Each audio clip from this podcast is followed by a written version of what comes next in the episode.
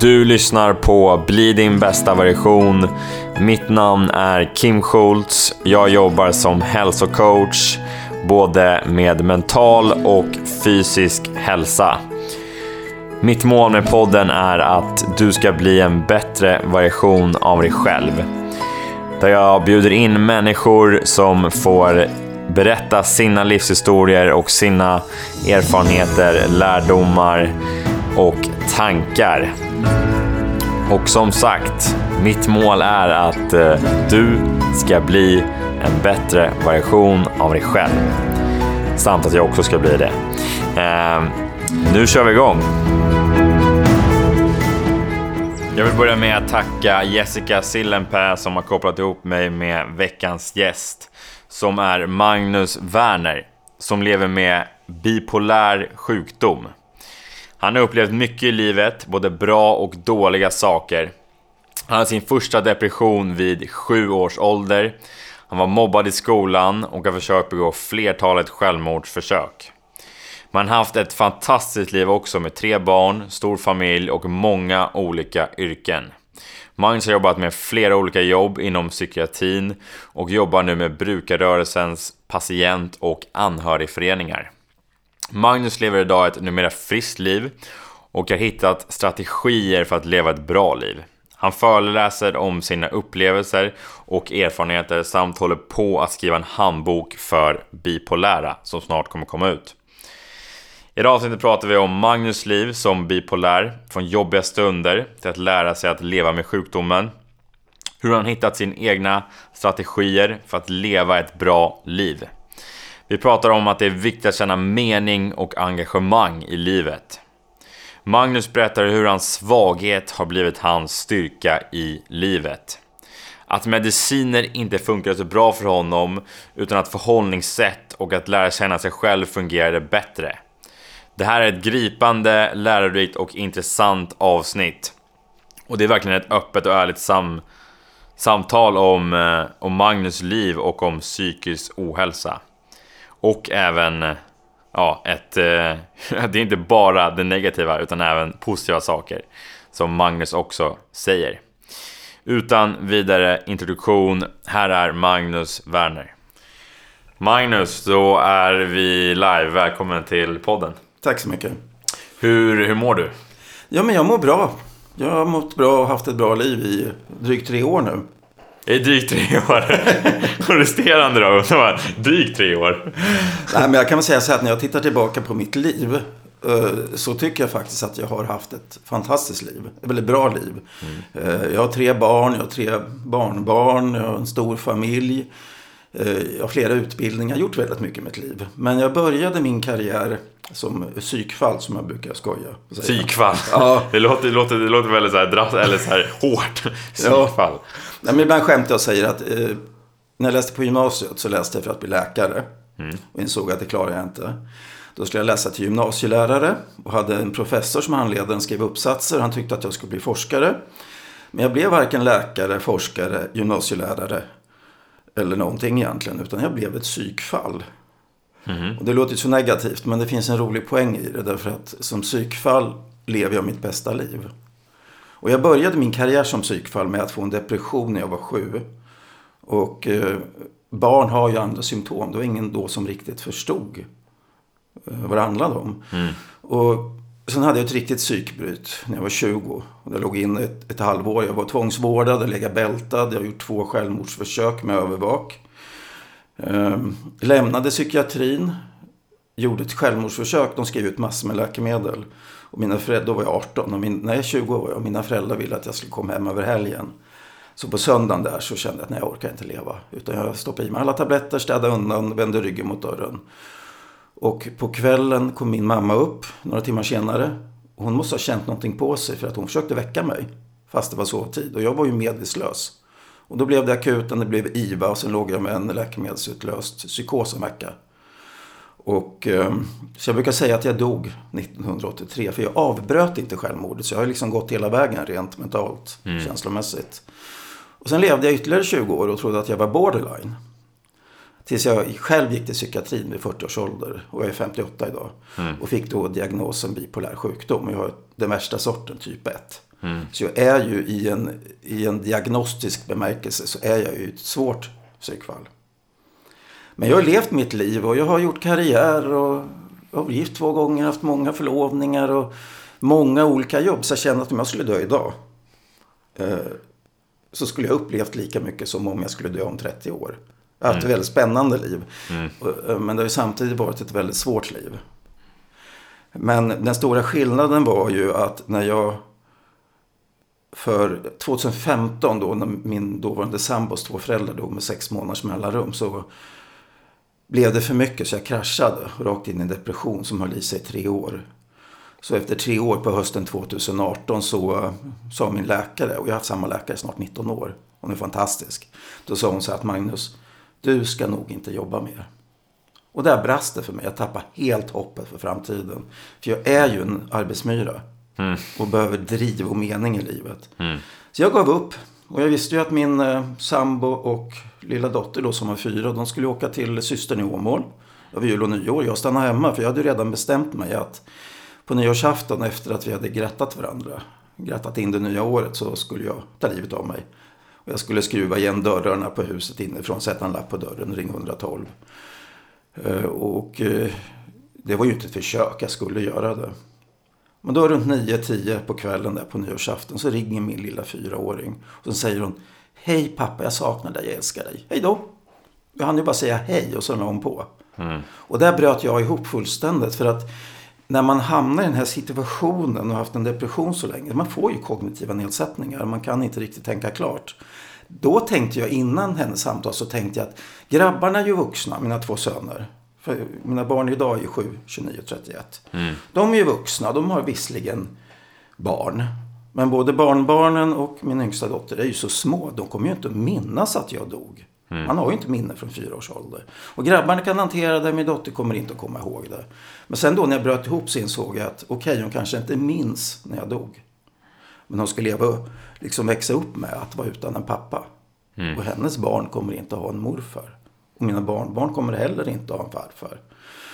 Så att det jag gjorde på natten det var att jag skrev ett mejl till min läkare. Så jag blev ju liksom inkallad direkt. Och bröt ihop igen. Jag blev uppkörd på psyk. Massa mediciner, sex elbehandlingar som var hemska med svår huvudvärk och så. Men där formade jag en tanke och jag insåg att jag har tre alternativ. Eh, Det ena är att fortsätta som förut. Att övergripande ha ett bra liv men väldigt svåra perioder. Jag kände att jag har liksom nått till vägs ände. Jag är 55 år, jag kan inte fortsätta med det här längre. Eh, och gör jag det, då hamnar jag i en situation där jag vill ta livet av mig. Och det kan jag inte göra längre. Jag kan inte ta livet av mig för mina barns skull. Och det tredje alternativet, det var ju helt enkelt att eh, helt lägga om livet. Ac- fullt ut acceptera. Och jag förstod att jag hade accepterat min diagnos. Men jag hade inte skapat den här acceptansen som innebär att jag helt lägger om livet. För det innebar ju sen under den här processen som jag inledde att jag fick ta bort allting, det här som drev mig och som var roligt. För det kickade upp mig i hypomanier, där man mår väldigt bra, hög energinivå. Och sen kör man slut på så jag hamnar i djupa depressioner. Och eh, bipolära depressioner är ofta väldigt svåra, väldigt djupa och svåra att ta sig ur. Och jag gjorde det och hade ju ett första år som var väldigt tråkigt. Första halvåret var hemskt. Jag hade ju självmordstankar varje vecka. Eh, nästan varenda dag. Men jag, jag gjorde det och det funkade. Och då hade jag en socialpsykiatrisk placering. Inte mot arbete utan bara för att få sysselsättning. Och då var jag på studieförbundet vuxenskolan, startade föreningar, jag var lite studiecirklar. Eh, Men sen efter ett halvår så började det lätta mer och mer. Och eh, jag hittade liksom den här nya tillvaron, hur jag skulle hantera mig själv. Hur jag skulle undvika det som gjorde att, jag gick upp i varv eller blev depressiv. Och idag lever jag ju ett helt fantastiskt liv. Och det är aldrig enkelt att vara bipolär. Man kan vakna och vara ganska låg. Men idag har jag ju strategier, jag vet hur jag ska bete mig, jag vet vad jag ska göra. Ehm, så att jag har ju liksom hittat ett liv där det som jag upplevde var grått från början. Jag insåg att det här är ju ett vanligt liv. Den här gråheten upplever alla. Ja, Utan de här hypomana kickarna. vardagslivet. Ja, precis. Ja. Det här, just det här vardagslivet som, som man inte... Jag klarade ju inte av det. Men när vardagslivet blev ett vardagsliv för mig. Så upptäckte jag att det är massa nya dörrar som öppnar sig. För att helt plötsligt när jag liksom började jobba med föreningsliv och brukarrörelse. Eh, så hittade, hittade jag ett nytt intresse. Och jag är ju liksom, jag är ju undersköterska, skötare, jobbar inom psykiatrin. Jag är ju, saknar 10 poäng från att vara lärare. Så jag har en pedagogisk sida. Um, jag är akademiker, jag jobbar som arbetsförmedlare i tio år. Så jag har ju massor med erfarenheter och utbildningar. Som jag, och mina egna erfarenheter av psykisk ohälsa. Mm. Som jag kunde ha nytta av. Och helt plötsligt så kändes det som att allt jag har upplevt har haft ett syfte. Och det är ju kanske det som är det viktigaste i ett liv. Att man hittar ett, ett engagemang och en mening. Mm. Och sen var jag ju lite framfusig så att jag, den tjänst jag sitter på idag på Region Sörmland, den föreslog jag själv. Och jag föreslog också mina egna villkor, så jag har ju fri arbetstid. Ja. Eh, så jag kan ju åka och träffa dig på en förmiddag, sen kan jag jobba mina åtta timmar när jag kommer hem. Så jag har skapat mig rätt förutsättningar rent arbetsmässigt också. Och det är viktigt. Mm. Så det är lite kul där när jag pratar om att jag, jag blev inte läkare, jag blev ett psykfall. Därför att psykfallet i mig har blivit min främsta tillgång också. Hur då? Hur skulle du säga det? Ja, men i och med att jag, jag har så stor nytta av mina erfarenheter. Och jag kan jobba med det nu på heltid. Och egentligen mer, jag jobbar ideellt också. Och till exempel eh, första mars nu så lanserar vi en helt ny riksförening. Eh, vi har ju Suicide Zero Mind och liknande som arbetar för att sänka självmordstalen och så. Men det finns ingen förening i Sverige där människor som lever med en suicidalitet kan vara medlemmar och få stöd. Så den lanserar vi. Mm. Eh, så nu ska jag vara med i Sörmlandsradion imorgon och på måndag så är det SVT Sörmland. Så att det är ju väldigt mycket du har mediavecka här alltså? Ja, jag har en mediavecka i allra högsta grad.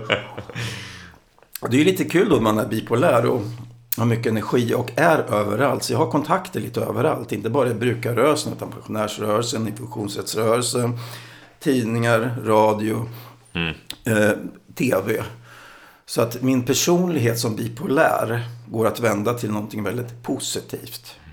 Och mina egna erfarenheter och sjukdomserfarenheter har jag så otroligt stor nytta av när jag möter människor och har en kunskap om vad de behöver. Mm. Och sen har jag ju också det offentliga perspektivet nu. Jag jobbar ju mot psykiatrin, jag jobbar mot eh, Sörmlands kommuners socialpsykiatri. Så att eh,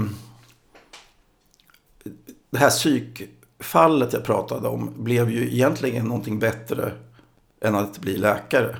Det är en lägre lön men jag har ett väldigt fritt liv. Jag får jobba med det som jag brinner för. Jag får jobba för att skapa ett bättre samhälle egentligen.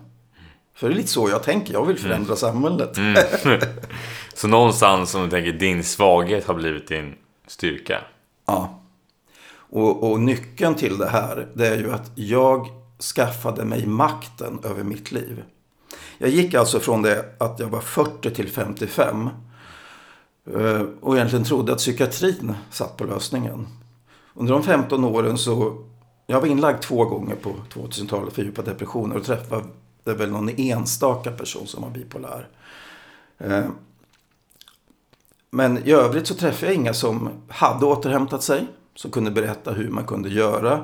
Utan det tog mig i princip 15 år att bara hitta de här redskapen. Och nu har jag ett förlagsavtal och jag skriver på en handbok för bipolära. Det handlar inte alls om bipolaritet. Mm. Det handlar om eh, förhållningssätt och verktyg för hur man kan leva med diagnosen. Och det jag insåg under resans gång det är att psykiatrin, de är ju helt egentligen fokuserade på det patologiska, det sjukliga.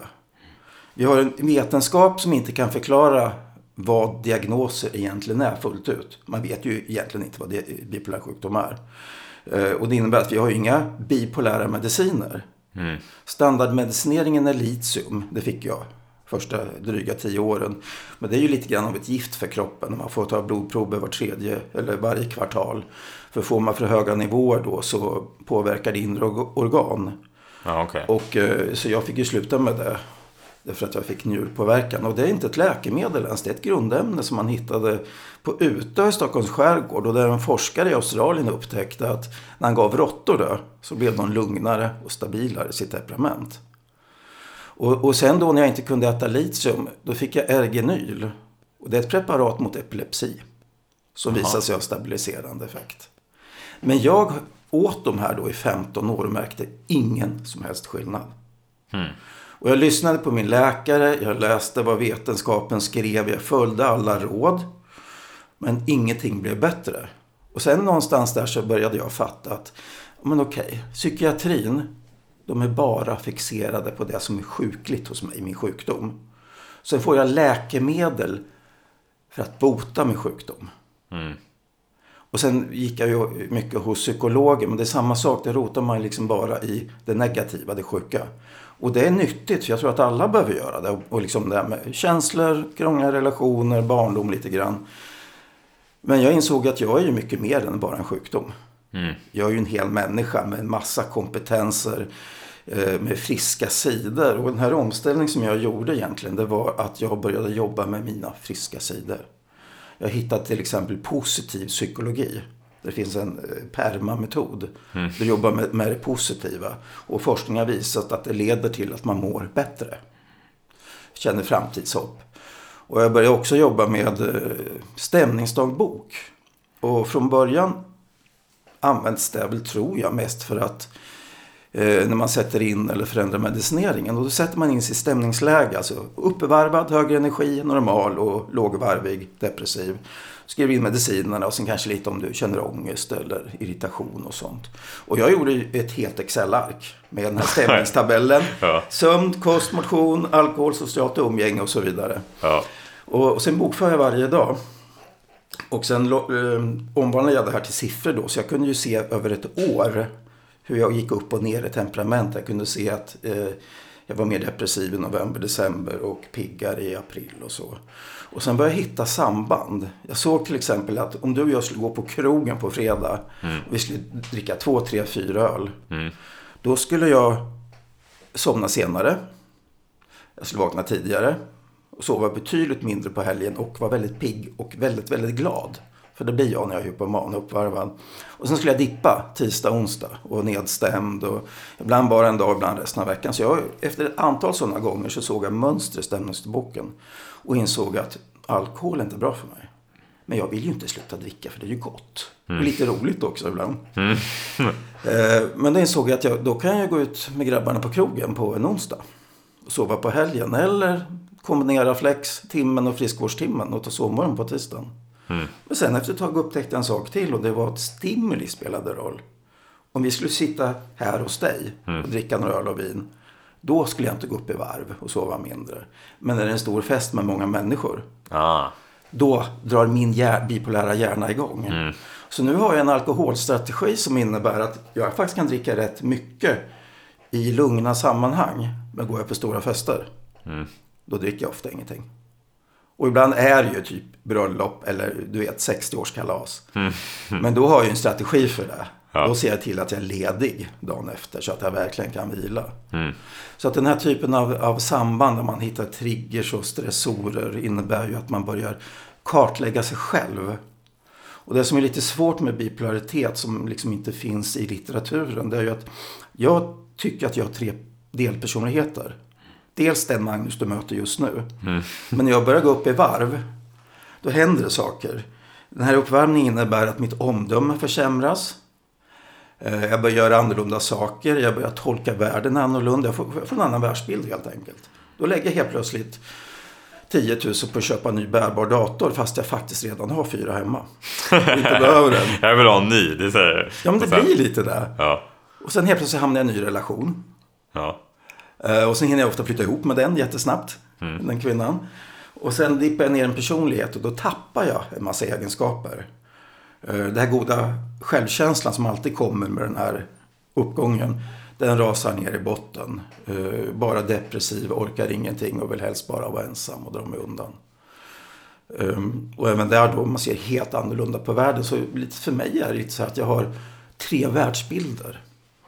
Som påverkar mitt beteende. Så jag tycker inte att jag är samma Magnus hela tiden. Det förändras. Ja. Och det här blir lite grann ett träsk också för att eh, man får ju även kognitiv påverkan både av liksom maniska skov och depressiva. Och till slut så vet man inte riktigt vem är jag egentligen? Den här tolkningen jag gör av det här, är det mitt friska jag? Mm. Det blir, livet blir kaos och det ser jag också idag när jag stöttar yngre särskilt med bipolär sjukdom. eh, Att de fattar inte vad det handlar om. Men när jag hade jobbat några år med stämningsdagboken så blev jag ju liksom mer och mer klar över vad som var ett friskt beteende och in, eller inte. Kunde se mönster. Ja, mm. så att det, det tog mig 15 år kan man väl säga. Att få de här kunskaperna, sen ytterligare tre år då. Mm. Eh, få de här kunskaperna som jag nu sitter och skriver en bok om. Mm. För tanken är ju att Tänk om jag hade haft den boken i min hand. När jag fick diagnos mm. för 19 år sedan.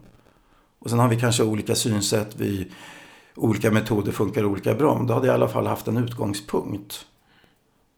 För jag skulle vilja påstå att eh, nästan alla kan leva ett bra liv. Även med bipolär sjukdom. Mm.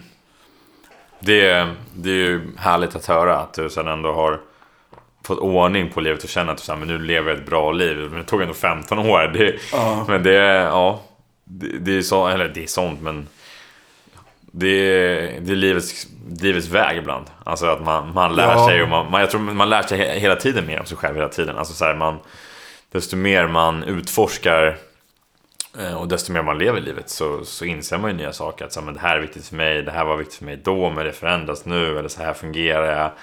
Eh, så jag tror att det är, det är en pågående sak faktiskt. Ja. Och jag tänker att så är det ju för alla människor. Att man mm. mognar, man lär sig hantera livet bättre. Mm. Men har man liksom en svår diagnos så blir det ju mer dramatiskt. Mm. Eh, och det mest dramatiska är ju att jag har ju ändå, jag har lite ärr på min kropp. Jag har gjort en del självmordsförsök. Mm. och det är ju ändå, det finns lite olika siffror. Men upp till 20% av alla bipolära tar livet av sig. Oj. Sen gör man ju livsstilsval. Eh, vad gäller motion, kost, droger, alkohol. Som innebär att eh, genomsnittliga livsförkortningen för en bipolär person är 15 år. Oj, det är ganska mycket. Det är mycket. Det ja. innebär i princip att man eh, går miste om det mesta av sin ålderdom. Mm. Då man ska liksom leva av livets sötma. Mm. Men om man inte tar livet av sig och om man eh, sköter sin kropp så kan man ju bli 100 år. Mm. Ja, ja, det tror jag med. Ja. Det är definitivt. Men det är intressant. Det finns en forskare som heter Alain Topor. Som är, han har forskat en del på schizofreni som ju är en ännu värre psykiatrisk diagnos. Mm. Och han har delat in psyk eh, psykospatienter i tre grupper. Okay. Pratar om återhämtning. Mm. Det finns en tredjedel blir helt återhämtade, alltså friska. De har ingen kontakt med psykiatrin, de lever ett vanligt liv. Och, och tidigare sa ju psykiatriker att ja, men då har de fått fel diagnos. De var inte schizofrena från början. Mm. Men han hävdar att det var de. Eh, sen finns det en tredjedel som jag tillhör som är socialt återhämtade. Det innebär att jag fungerar socialt, jag kan arbeta, jag kan förverkliga mig själv. Men jag behöver fortfarande kontakt med psykiatrin, med läkemedel. Jag har mina årliga besiktningar mm. hos min läkare. Besiktning. Ja, jag besiktar bilen och min hjärna två, två gånger per år. Och sen har vi den tredje gruppen då som eh, eh, aldrig återhämtar sig utan lever ett sjukt liv. Och det här är lite intressant då för att tittar man på den här verkligen svåra diagnosen schizofreni så innebär det att en tredjedel behöver inte läkemedel. En tredjedel får läkemedel men det fungerar inte. Jag tycker det är en bra illustration att de som kan fungera, de behöver läkemedel. Mm. Men den här ensidiga fokuset på diagnoser och läkemedel, det räcker inte som förklaringsmodell. Eh, det räcker inte som, som liksom en förklaring till varför lyckas vissa människor leva ett bra liv med en svår diagnos. Mm. Så att det behövs någonting mer. Och jag tror att det här som psykiatrin går lite vilse. De har inte personal nog, de har inte resurser nog för att hjälpa alla. Det är långa kötider, man får olika läkare varje gång. Eh, utan vi här behövs det så mycket civil, liksom insatser. Civilsamhället via patient och anhörigföreningar och att man är ute och föreläser. Och jag planerar ju det. Jag har en del mm. föreläsningar. Bland annat kring min handbok och mina verktyg. Mm. Just det här att berätta att så här har jag gjort. Och presentera dem och, och liksom säga pröva. Det här kanske är någonting för dig. Och flera av de här verktygen är ju liksom evidensbaserade. Det finns forskning som visar. Som akt och positiv psykologi och så. Eh, så att det är ju inga märkvärdigheter. Mm. Men det var ingen som berättade för mig att de fanns. Så jag visste inte det helt enkelt. Jag visste inte ens att det fanns en förening för människor som var bipolära. Där man kunde hitta stöd. Mm. Det, är, det är synd att det inte har funnits det, tänker jag. Som du säger, ändå 15 år av ditt liv, självmordsförsök. Alltså det, det, hade ju, det är nära att du har strykit med. Alltså, ja. och, Därför tycker jag det är jäkligt bra och viktigt att du har tagit fram. Alltså, men det här har ändå hjälpt mig och det kan säkert hjälpa andra också. Ja. Definitivt. Men du pratade om några rutiner, positiv psykologi, se över liksom den här stämningsdagboken. Finns det någonting mer som du gör i så här rutin, rutin som får dig att så här må bra? Ja, eh, när det gäller bipolaritet så pratar man ju väldigt mycket om det här med rutiner. Man ska sova på vissa tidpunkter. Eh, man ska äta, motionera regelbundet. Och jag är ju inte sån som person. Forskning är ju på gruppnivå. Mm. Jag har ju inga rutiner alls. Inga alls. Nej, jag tittar i min jobbalmanacka på kvällen innan jag somnar för att se vad har jag för möten imorgon. Mm. Då bestämmer jag när jag ska gå upp. Om inte min dotter är hemma, jag har henne varannan vecka. Mm. Um, och sen gör jag det som står i almanackan. Och en del annat också förstås. Mm. Um, men så man kan säga att min väg till ett socialt återhämtat liv, det är ju att jag egentligen gör på tvärsan mot vad forskningen och min läkare säger. Så jag vågar inte ens berätta riktigt för min läkare. Hon är kanonbra, jobbar liksom personcentrerat och, och så, men ändå lite klassisk psykiatriker. Mm. Men, men det jag har gjort mycket grann, det Dels hittar ju stämningsdagboken tidigt. Och den är ju lite svår för den kan du bara fylla i när du liksom är frisk och har en, har en bra period. Mm. Inte när du är på man eller depressiv. Så den, det får man ju avbrott hela tiden. Så man får hålla på under en längre tid. Mm. Men utifrån det sen så kan man ju göra olika strategier. En frisk strategi. Hur ska jag leva? Och i den jag brukar kalla till exempel min frisk strategi kallar jag för en makrostrategi. I den så har jag en massa mikrostrategier. Då tar jag de här parametrarna som har i stämningsboken. En parameter är motion, en är sömn, en är alkohol. Mm. Och då har jag ju liksom en mikrostrategi för min alkoholkonsumtion. Jag har en mikrostrategi för min sömn. Och sen, det är som ett mixerbord. Mm. Dricker jag, då förändras min sömn. Då måste jag dra ett något reglage för att motverka det. Mm. Så jag har liksom tydliga strategier. Och i början får man vara väldigt noggrann. Nu kan jag det här. Idag använder jag inte stämningsdagboken. Eller just nu gör jag det, för jag gör en medicinjustering just nu som påverkar min sömn. Mm. Så just nu använder jag stämningsdagboken för att verkligen vara uppmärksam på vad som händer. Mm. För det är lätt att man missar saker. Sen insåg jag, för jag jobbade på begravningsbyrå några år och eh, gick en sorgbearbetningskurs. Och där lärde jag mig att sorg, det förknippar vi ofta med dödsfall. Mm. Men sorg kan vara att livet inte blev som vi hade förväntat oss där fattade jag efter ett tag att jag levde med en stor livssorg. Ehm, just det här att jag blev inte läkare. Det, det, blev inte det här. Jag trodde att jag skulle leva med samma kvinna hela mitt liv. Mm. Istället har jag haft jättemånga relationer. Ehm, så där gick jag in i en, inte en traditionell sorgbearbetning med de här klassiska fyra faserna. Men jag gick igenom en sorg Ursäkta min förkylning. Mm. Jag gick ändå igenom en sorgbearbetning där jag liksom landade i en nyorientering. Där jag insåg att just det här att jag kan inte göra vad jag vill i livet. För det triggar med sjukdom. Mm. Då kunde jag skapa den här acceptansen för att, att förändra livet. Så att just den här sorgbearbetningen, eh, oerhört grundläggande tycker jag. Det förändrade min syn på livet. Det eh, fick mig att förstå att livsanpassningar var nödvändiga. Jag var tvungen att liksom kill my darlings rakt av. Slakta alla heliga kor och fokusera på vad har jag för sjukdom? Vad, vad skapar den för begränsningar i mitt liv? Och sen fick jag anpassa livet efter det. Och så blev det väldigt bra. Mycket bättre än jag kunde drömma om faktiskt. Mm. Jättespännande liv. Och, och, och sen lärde jag mig också, jag har jobbat med sociogram. Vad är det för någonting? Ja, det är en slags relationskarta. Så att jag satte upp relationstyper först. Det kunde vara liksom så här. Gösta, det är pappa. Mm. Sen satte jag in relationsvärden för att man får ju inte allting av samma människa. Jag har till exempel en kompis som jag liksom mest bara går på krogen med. Det är en ytlig relation men vi har kul ihop. Mm. Sen har jag en annan kompis som jag inte går på krogen med. Men vi kan träffas och prata känslor eller politik om vad som händer i Ukraina och sånt. Mm. Eh, så jag insåg att jag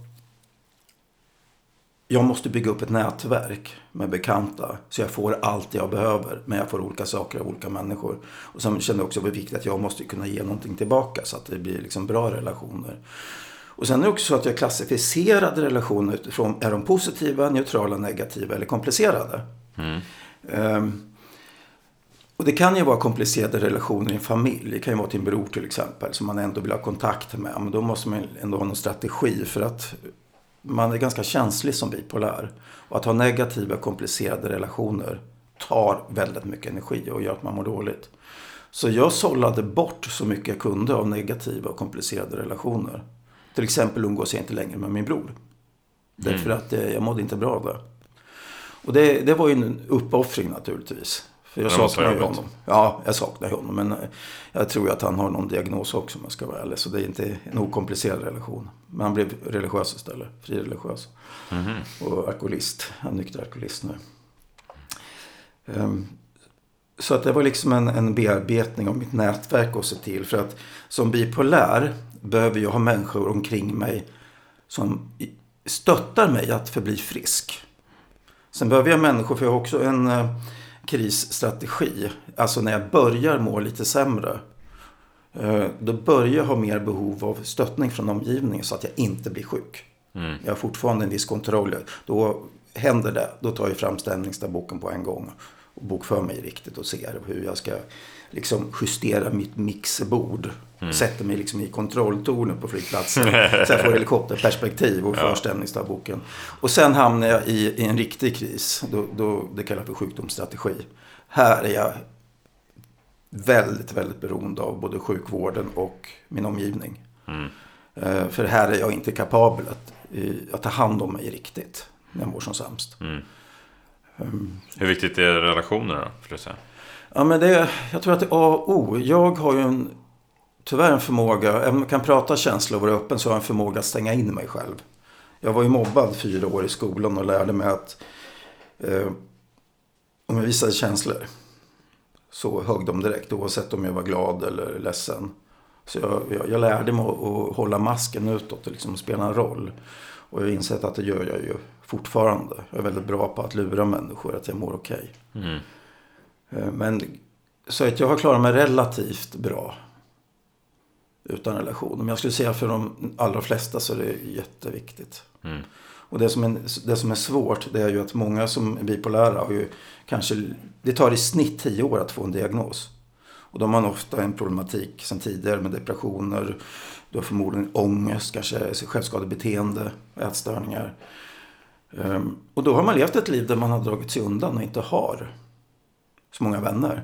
Och du kanske kommer från en familj där man liksom socialt ärver psykisk ohälsa. Men jag tänker att det, är, det viktigaste det är egentligen inte att ha många runt omkring sig. Utan det är att ha människor som verkligen förstår sjukdomen. Som vågar fråga, som vågar prata. Mm. Eh, så man kan klara sig ganska långt. Och har man inga vänner alls så har ju har man bara kunskap om socialpsykiatrin i sin kommun så kan du kan få boendestödjare som kommer hem varje dag.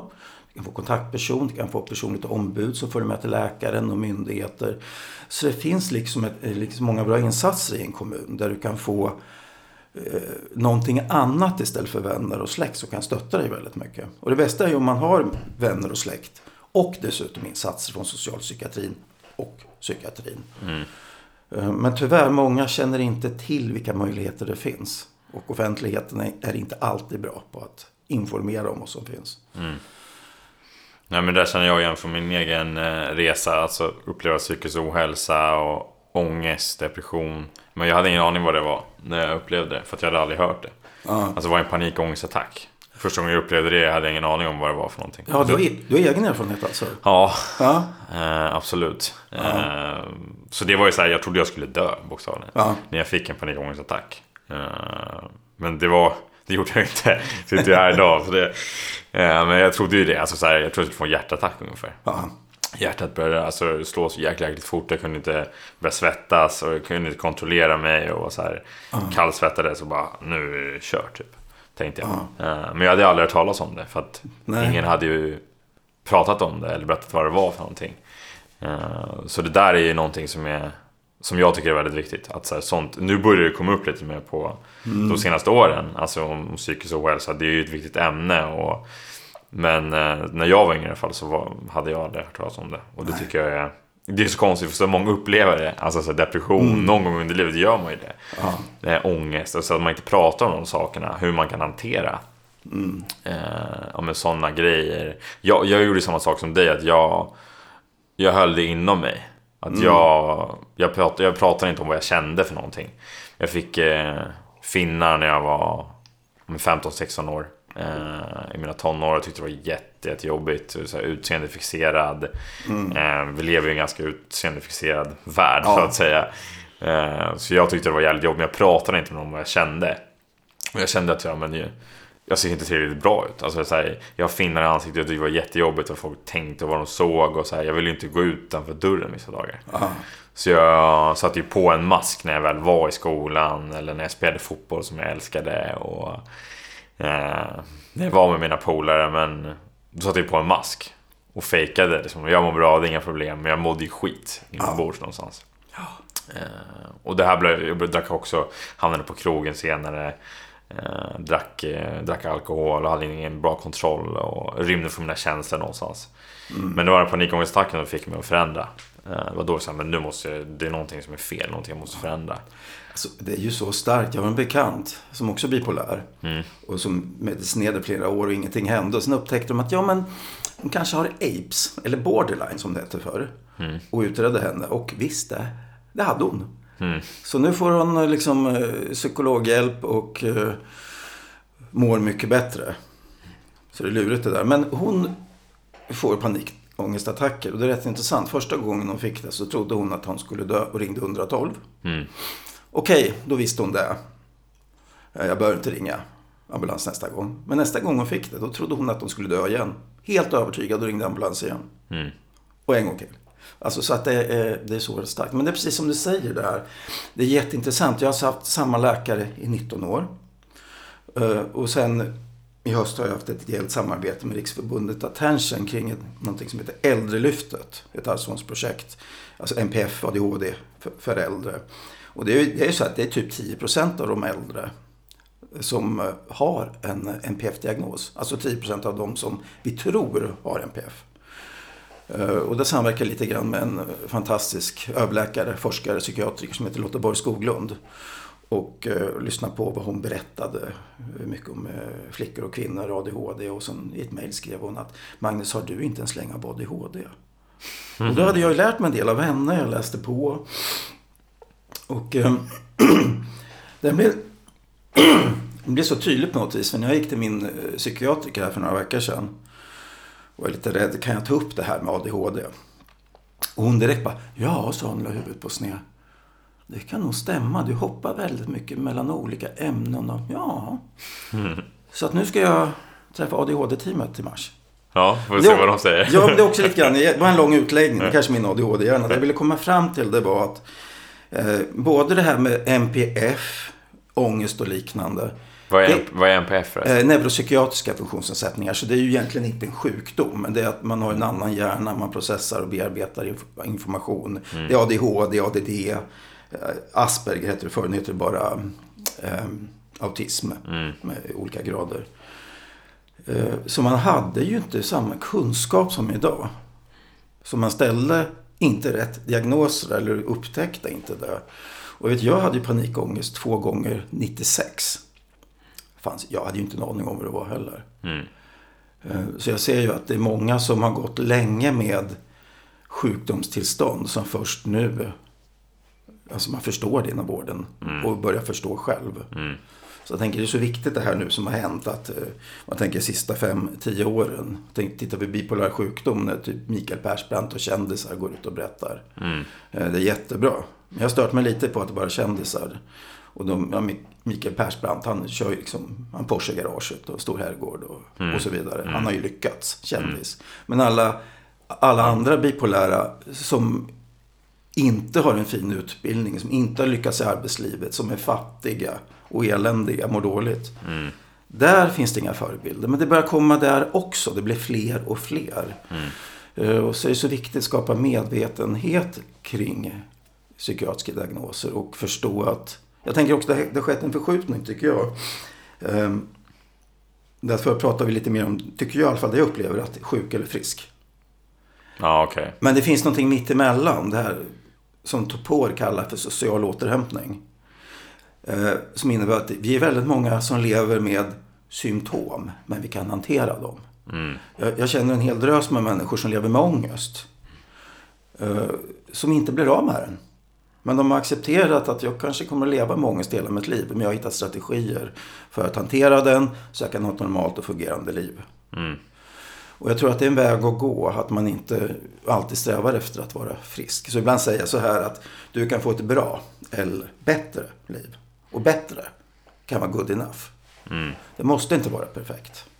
Nej. Nej, alltså perfekt är ju, vad är det? Ja, alltså, och sen tänker jag också, även om du tar en diagnos, så vem fan mår bra jämt? Alla har ju ett liv att hantera och det är, det är inte enkelt att leva. Nej, livet går ju upp och det går ju ner. Alltså vi kan ju inte förvänta oss att vi alltid kommer må, må bäst. Alltså, det vore tråkigt också om jag ska vara ärlig. Alltså, här, Ja, det, om man inte mått dåligt så vet man inte vad som är bra. Det är ju ofta så. Och livet är ju en berg och ibland. Alltså, Ja. Det är som vågor, man får anpassa sig. men det är liksom eh, psykiatrikern Anders Hansen brukar prata om att vår hjärna är inte till för att vi ska må bra. Den är Den är ju oförändrad sedan 40 000 år. Den är till för att vi ska överleva. Mm. Och det innebär att hade du ångest eller oro, ja men då var du vaksam på omgivningen och då överlevde du. Mm. De lyckliga människorna, de blev ihjälslagna eller uppätna. Så att han sa ju en gång att eh, 50% av de som har ångest, där är det rent genetiskt betingat. Så egentligen borde det vara så att de som inte har ångest, att det är diagnosen. Mm. De har inte de överlevnadsegenskaperna utan det är liksom samhället som på egentligen sista 200 åren kanske har förändrats så mycket så nu är det patologiskt att ha en diagnos. Men för ett par hundra år sedan så fyller det funktioner fortfarande. Ehm, Så det är lite intressant att vända på perspektiven. Så vårt samhälle idag, det är inte bara skadligt för, för vår yttre miljö med, med miljöförstöringen utan också för vår inre miljö och psykiska hälsa. Så vi skulle ju verkligen helt behöva göra om det moderna samhället. Ja, nej, det är ju exakt, det är ju att förverkliga sig själv och alltid vara lycklig. Det är ju så här, det, är det som, som sägs utåt. Att så här, Ja. ha pengar eller så här. Men det... Nej, jag tror inte heller att det, det är inte det som är... Vissa tycker en grej av livet. Alltså, men jag tror ju mer att så här, som du pratar om, att ha mening. Att känna att man gör någonting meningsfullt. Det tror jag är väldigt viktigt. Ja, och det är lite intressant när man, när, det finns en man som heter Martin Seligman, amerikansk professor. Som studerade människor som mådde bra. Och såg att det fanns på fem områden som de liksom klickade i boxen varje dag. Och det var positiva känslor, engagemang, positiva relationer, meningsfullhet och att uppnå något. Och det, förkortningen blir då PERMA, PERMA-modellen. Och eh, börjar man jobba med den, för alltså, vår hjärna uppfattar ju väldigt mycket varje dag. Men sorterar bort det mesta egentligen. Så har man levt länge med psykisk ohälsa, det som man lägger märke till, det, ofta det är det som är negativt. Men börjar man jobba med PERMA, då börjar man lägga märke till det som är positivt. Och, och det kan till, exempel vara att även om jag mår skit idag, så njöt jag av den första koppen kaffe och snus på morgonen. Fine, gör det varje dag. Sen flytt, prickar du i alla de här staplarna under varje bokstav och fyller på med mer och mer och sen gör du det du mår bra av. Så kommer du på sikt att må bättre. Mm. Ehm, Häftigt, den där, den där är smart alltså. Ja, det är jättebra. Det är ett konkret verktyg som man, som man kan jobba med. Mm. Eh, verkligen. Men i de, för det är det som är, alltså vardagslivet är ju oftast det som livet består av. Ja. Alltså de här små sakerna. Att så här, vilka umgås du med varje dag?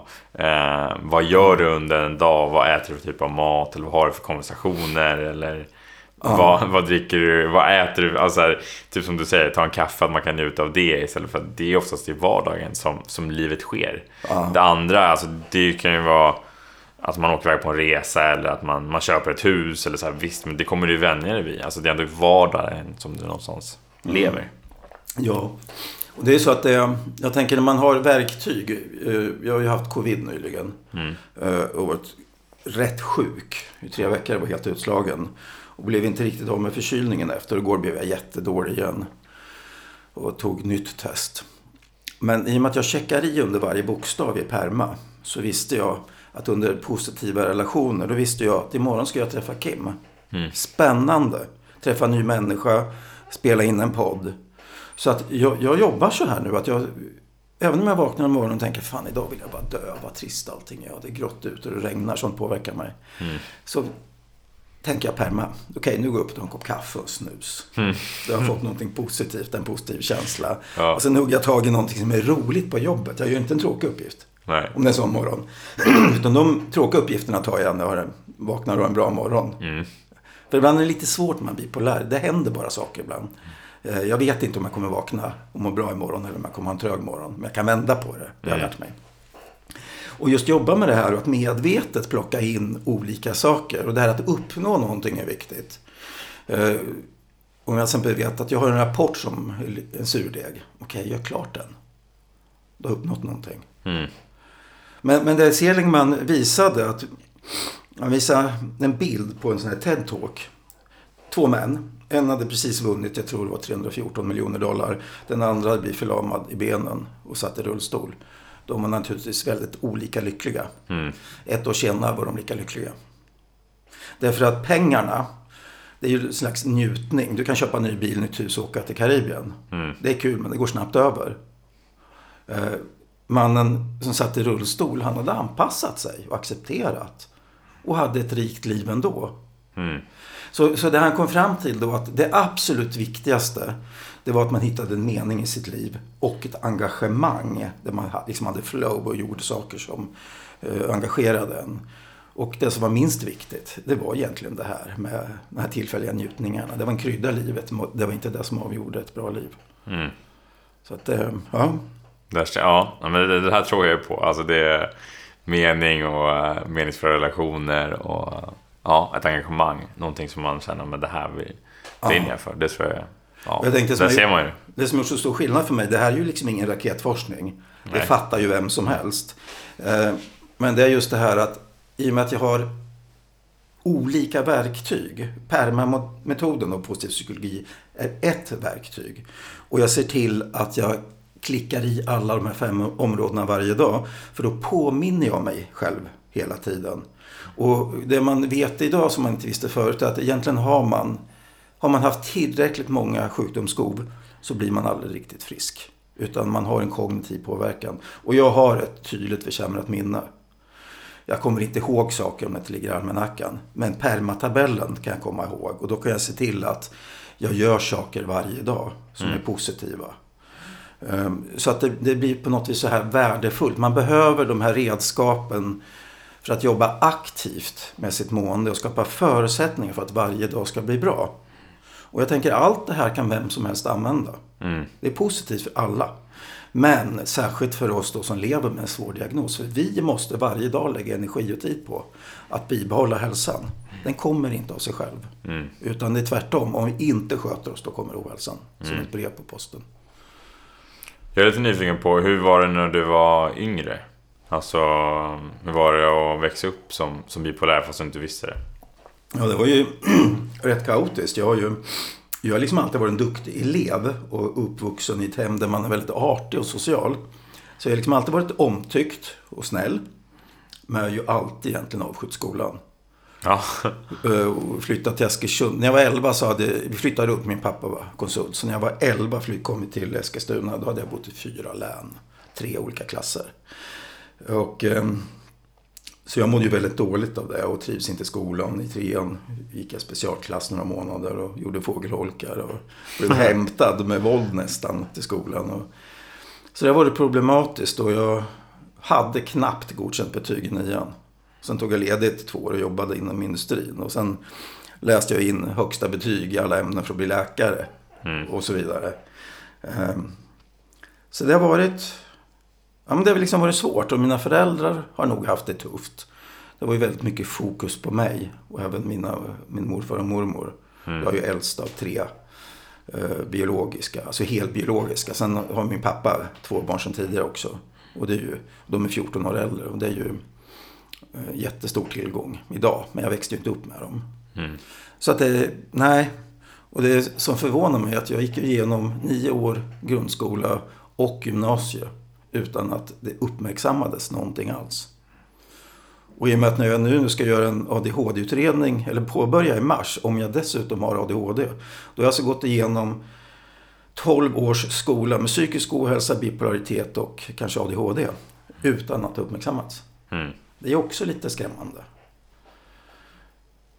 Så att även om jag, jag har en förmåga att tänka positivt och jag har en förmåga att se tillbaka på mitt liv och tycka att jag har ett bra liv. Men när jag tittar på svårigheterna så det har varit ett svårt liv. Mm. Jag har det. Och jag har fått kämpa hela vägen. Men jag har ju jag har den här drivkraften att hela tiden kämpa vidare. Och nu föreläser jag ju mycket om eh, suicidalitet och suicidprevention. Och folk tycker att det är lite läskigt. Men jag brukar säga så här att eh, självmordstankar är helt naturligt. När, det är liksom en respons på att man har en väldigt svår situation. Och jag har överlevt många gånger på grund av det. Jag har ju haft otroligt många perioder med självmordstankar. För jag har tänkt så här att eh, om det är lika jävligt imorgon, då kan jag ta livet av mig då. Så jag har liksom kunnat köpa tid varje gång och sen skjuter på det dag för dag för dag.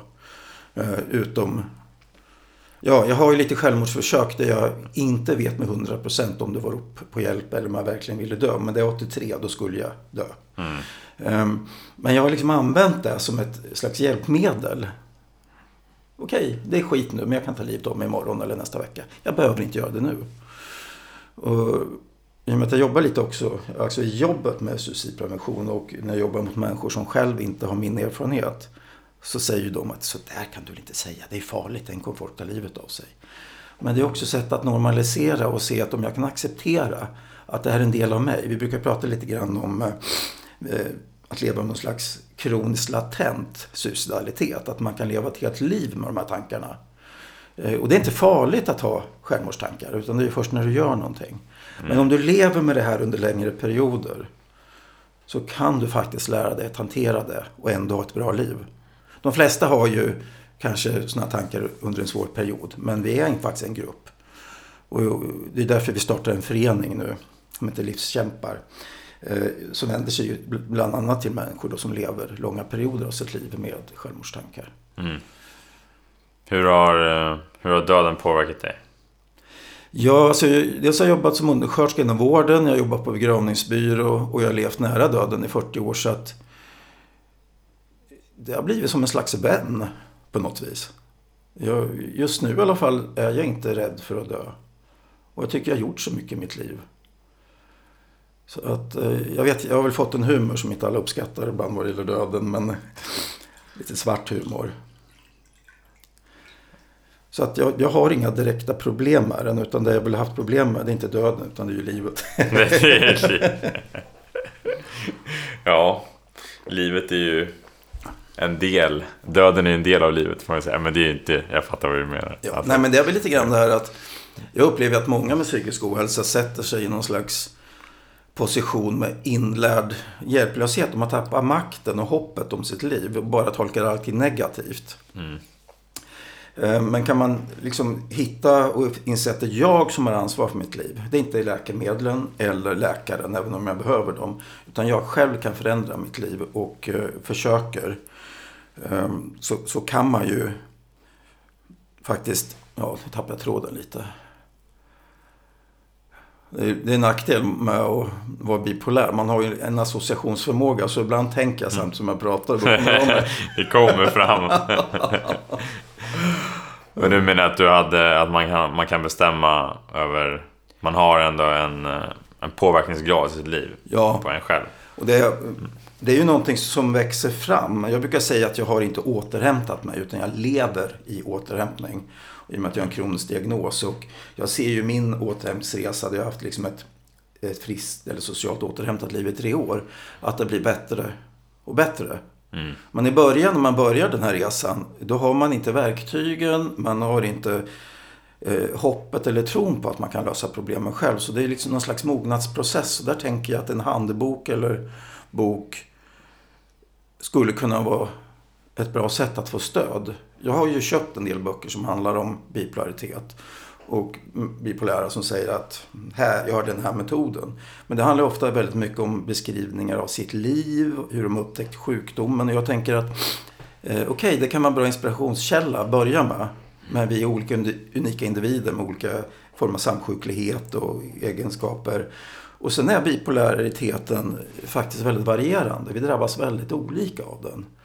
Så att man kan inte liksom lyssna på någon annan. Utan och hitta rätt på en gång. Men man ska lyssna på andra, man behöver råd och tips om hur man kan tänka och göra. Och sen måste man hitta sin egen väg.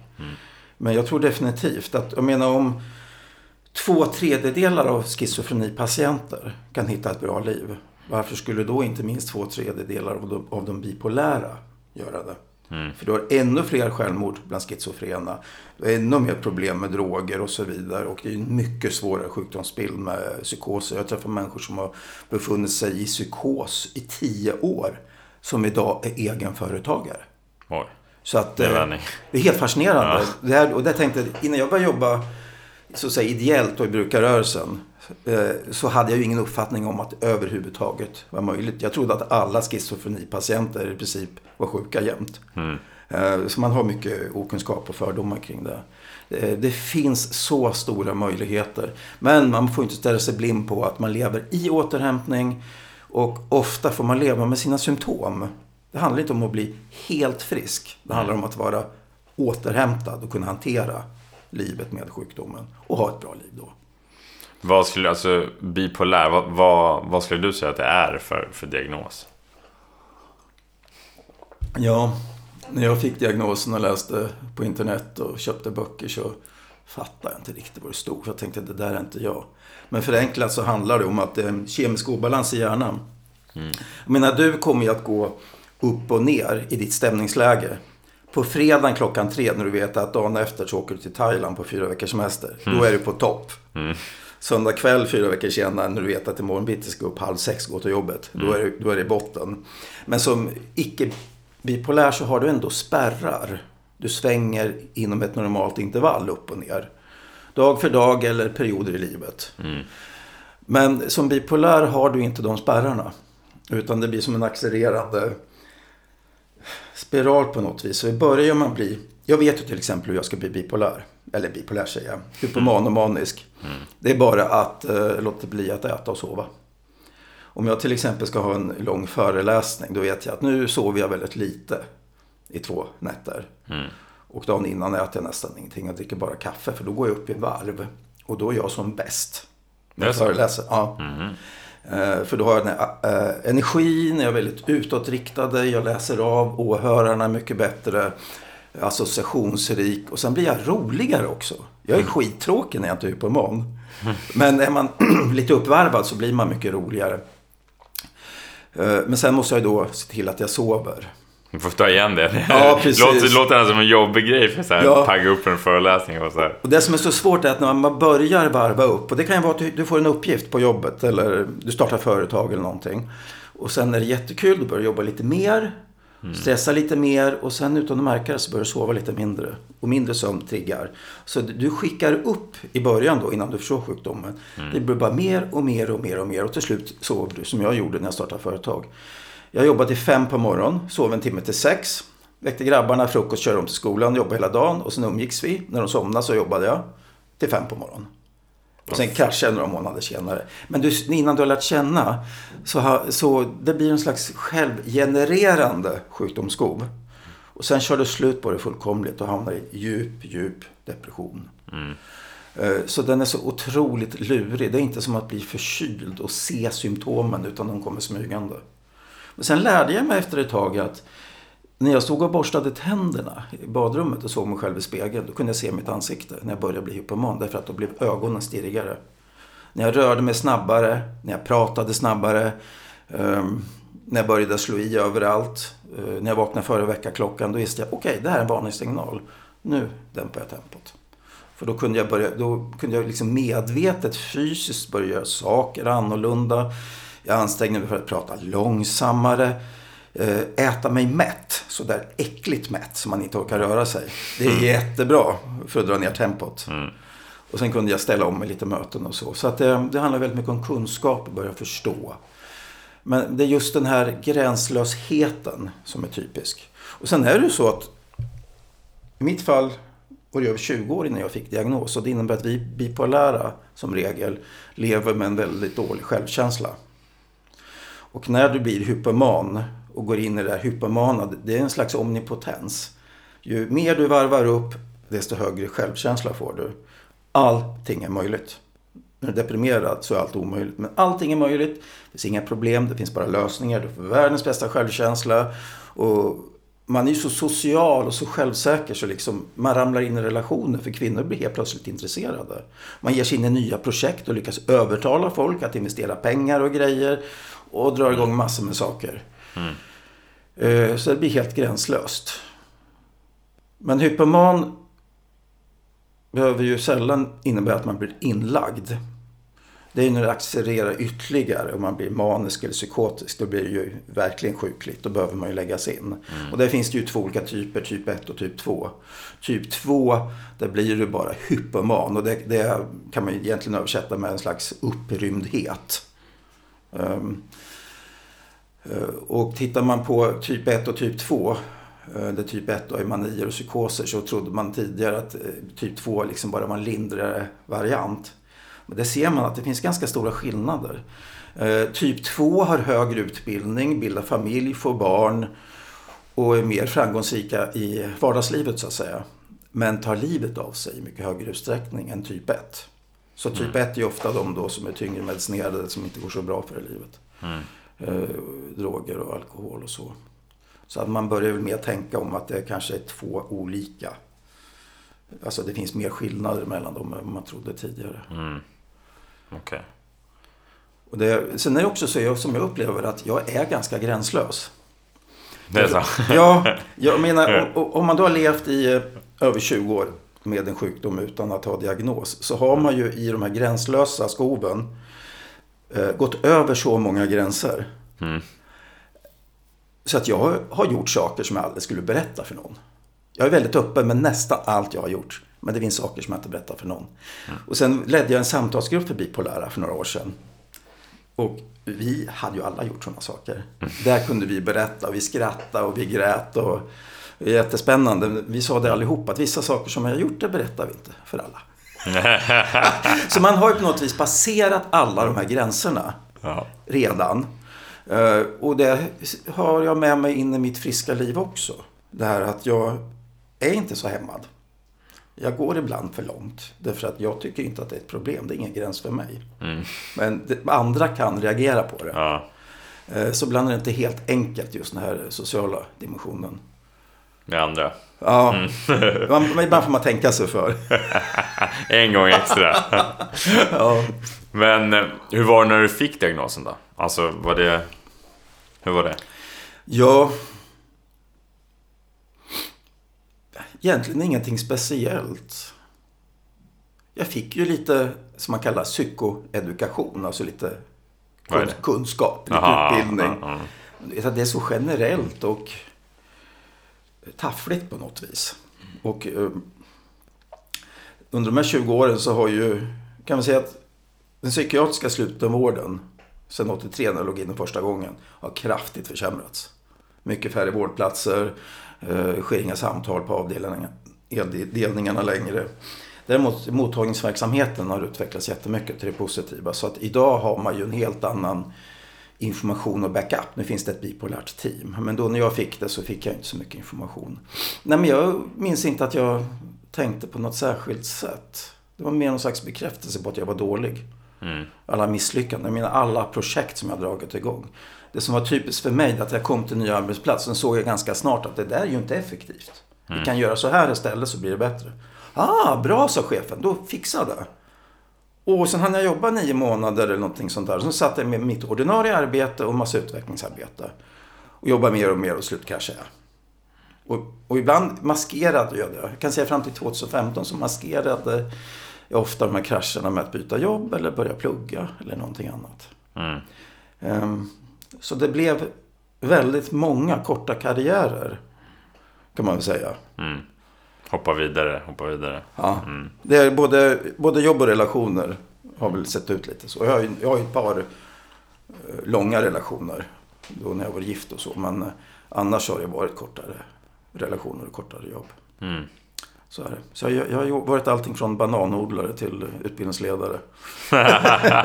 Diverse olika saker. ja, precis. Komjölkare och förkylningsarbetare och undersköterska och ja, tidningsutdelare och ja, allt möjligt. Ja. Egenföretagare. Testat på. Ja. Um, Okej, okay, till en annan sak då. Mm. Vad, vad, skulle du vilja att, om det finns två saker som människor får tänka, eh, om de tänker på det, vad vill du att de tänker på då? Oj. Jag skulle vilja att de, att människor drevs av vad jag drivs av. Och det, det här att, att jobba för att andra ska få det bättre. Och någon som sa att liksom, du är så uppoffrande, men jag tror ju inte på altruism. Jag tror på den goda egoismen. Därför att när jag jobbar för andra människor, då mår jag bra av det. Så det, det är ren egoism från min sida. Mm. Um, så, så det, för mig bekräftar det mig, min dåliga självkänsla. Jag mår bra av det. Men jag skulle vilja att vi var mer så. Uh, att vi, om, om jag kunde förmedla det, att ställ upp för din nästa. Stötta människor som mår dåligt eller gör saker som, som leder till bättre samhälle. Det skulle jag tycka var det viktiga. Och um, en annan sak att som jag försöker leva och det är att inte döma. Uh, och det här gäller ju liksom överallt. En bipolär person som till exempel ofta är otrogen under ett maneskov. Det har ju med liksom det försämrade omdömet och det kan ju vara en person som aldrig skulle vara otrogen eller ta lån eller någonting i ett friskt tillstånd. Och sen blir de helt maniska och otrogna och drar på sig, jag känner en som drog på sig 600 000 skulder. Mm. Um, um, så att man inte dömer. Och sen händer det saker hos människor som inte är bipolära, inte har en diagnos. De gör väldigt konstiga saker. Sen får de liksom omgivningens dömande. Jag brukar alltid tänka att vi vet inte varför de har gjort det här. De kanske är dåliga människor men det kan också vara så att de mår dåligt eller det finns någonting. Ehm, så mindre dömande och mer engagemang i andra människor tänker jag att eh, det, är väl det jag vill förmedla. Det jag tycker är viktigt i mitt liv egentligen. Mm. Arbeta för det, för det goda samhället och för, det bra livet. Och inte bara att vi har en massa jobbskattavdrag som gör att de som är rika blir ännu rikare. Utan vi faktiskt satsar på den lilla människan som inte har det så lätt. Mm. För då får vi ett bättre samhälle.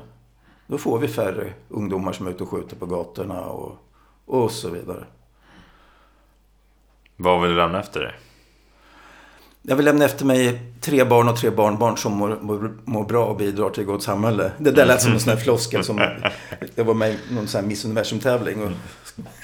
Miss Universum? Ja, som alla pratar om. Vad vill du bidra med? Jo, ja. fred i världen. Nej, men jag tänker så. Det är min huvuduppgift. Och det som har egentligen gjort att jag har överlevt är ju mina barn och barnbarn. Och det som är intressant är att allt i mitt liv har varierat. Men min syster sa till mig för några år sedan och det hade jag själv inte sett. Hon sa att hur dåligt du än har mått Magnus så har du alltid lyckats må tillräckligt bra i dina relationer till dina barn och alltid varit en bra pappa. Och jag har aldrig släppt dem. När jag har separerat har jag ändå haft dem på deltid, halvtid eller heltid under en period. Så de har liksom varit konstanta och jag har inte varit... Jag kan nog se att jag har... Jag har inte varit en dålig förälder faktiskt.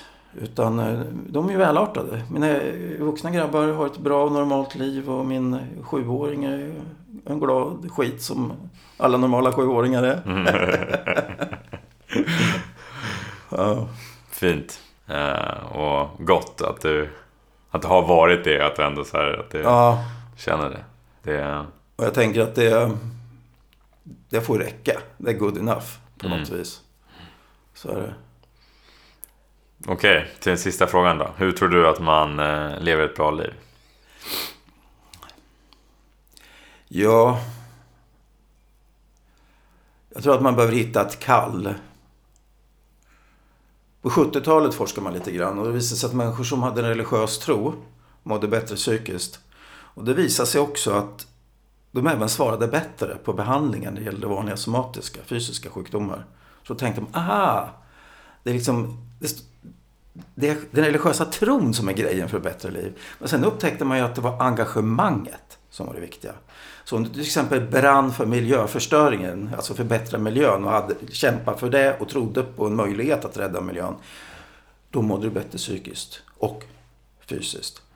Så jag, så jag tror att det här ytliga samhället vi har idag Eh, destruktivt. Jag lyssnade på en, en eh, professor, som prat, en religionsforskare, som pratade om att att människor mår dåligt idag, unga, det är för att vi är så individualistiska och oreligiösa.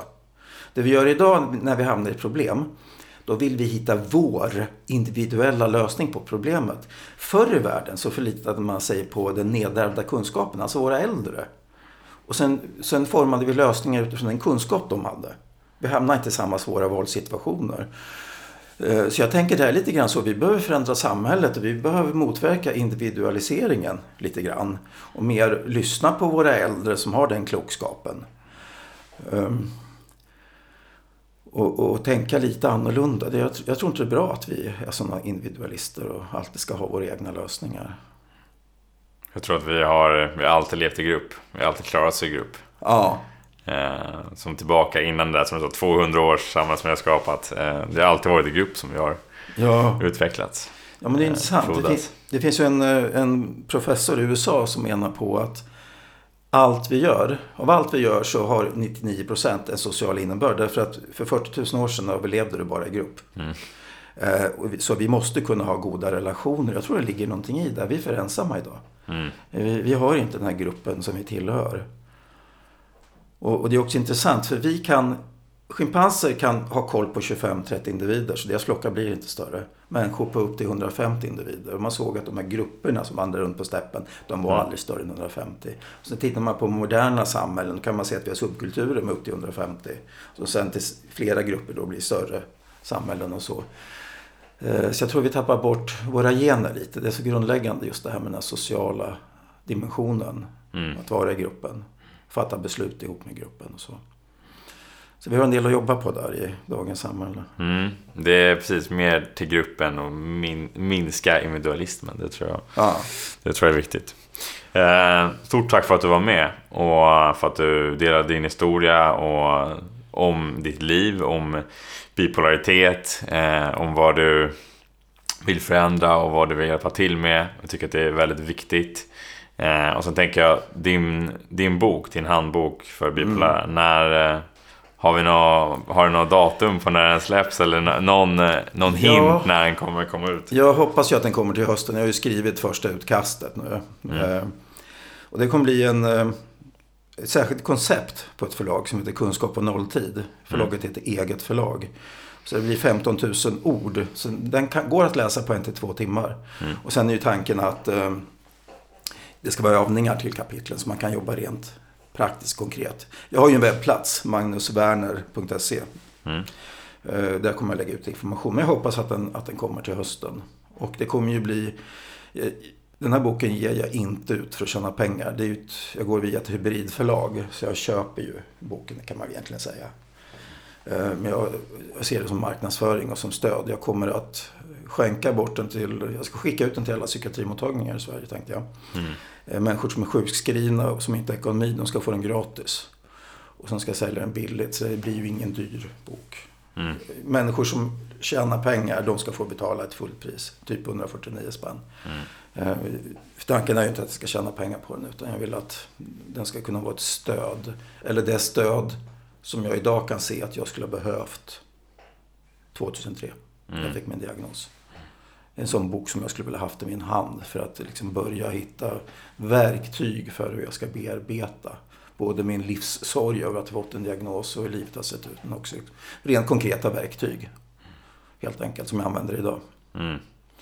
Så att, eh, ja. Mm. Då, då vet ni, ni som lyssnar, det, ni kan gå in på Magnus hemsida, läsa lite mer om honom där också. Eh, boken kommer förmodligen till hösten. Då. Stort tack för att du var med och delade din historia. Ja, tack själv. Tack. Vad tyckte du om det här avsnittet? Vad tar du med dig från det här avsnittet? Finns det någonting som du resonerade med, någonting som du tyckte var det här kan jag känna igen mig i? Så dela jättegärna med dig till mig och Magnus. Vi vill veta vad du tyckte om det här avsnittet, om vårt samtal.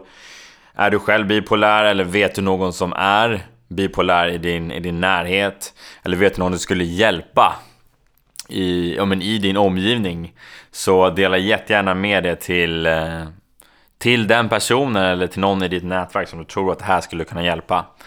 Och eh, som sagt, håll utkik efter Magnus bok. Den eh, heter, kommer heta En handbok för bipolära och släpps inom kort. Gå in på www.magnuswerner.se för att läsa på mer om Magnus. Han är ute och föreläser.